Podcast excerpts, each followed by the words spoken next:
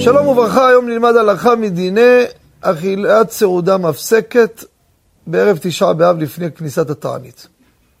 כפי שיודעים, יש איסור לאכול שני תבשילים בסעודה שלפני הצום.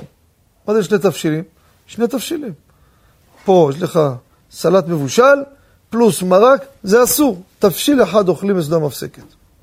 שאלה נשאלת, מה קורה אם הוא רוצה לאכול חמוצים? מה זה חמוצים? זיתים, לפפונים, כבושים. הרי ידוע בהרבה נושאים, כבוש זה כמו מבושל. אומרים זה מבושל, אז זה תבשיל. אז לכאורה, אם אני אוכל עכשיו, לדוגמה, אורז מג'דרה, ואני רוצה להעביר איתי זיתים או מלפון חמוץ, השאלה אם זה עוד תבשיל ויהיה אסור.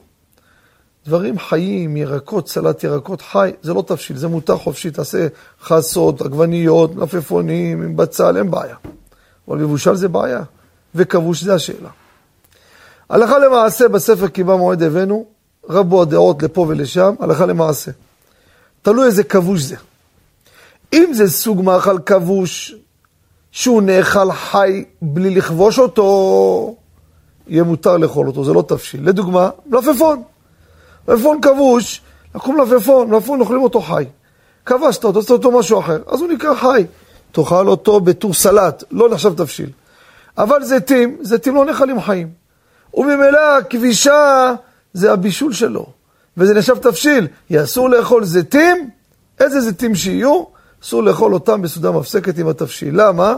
כי הכבוש הזה, כיוון שלא נאכל חי, דינו כמבושל, וממילא דינו כתבשיל, וממילא זה תבשיל נוסף, אסור לאכול שני תבשילים בסעודה מפסקת. תודה רבה, ובשורות טובות.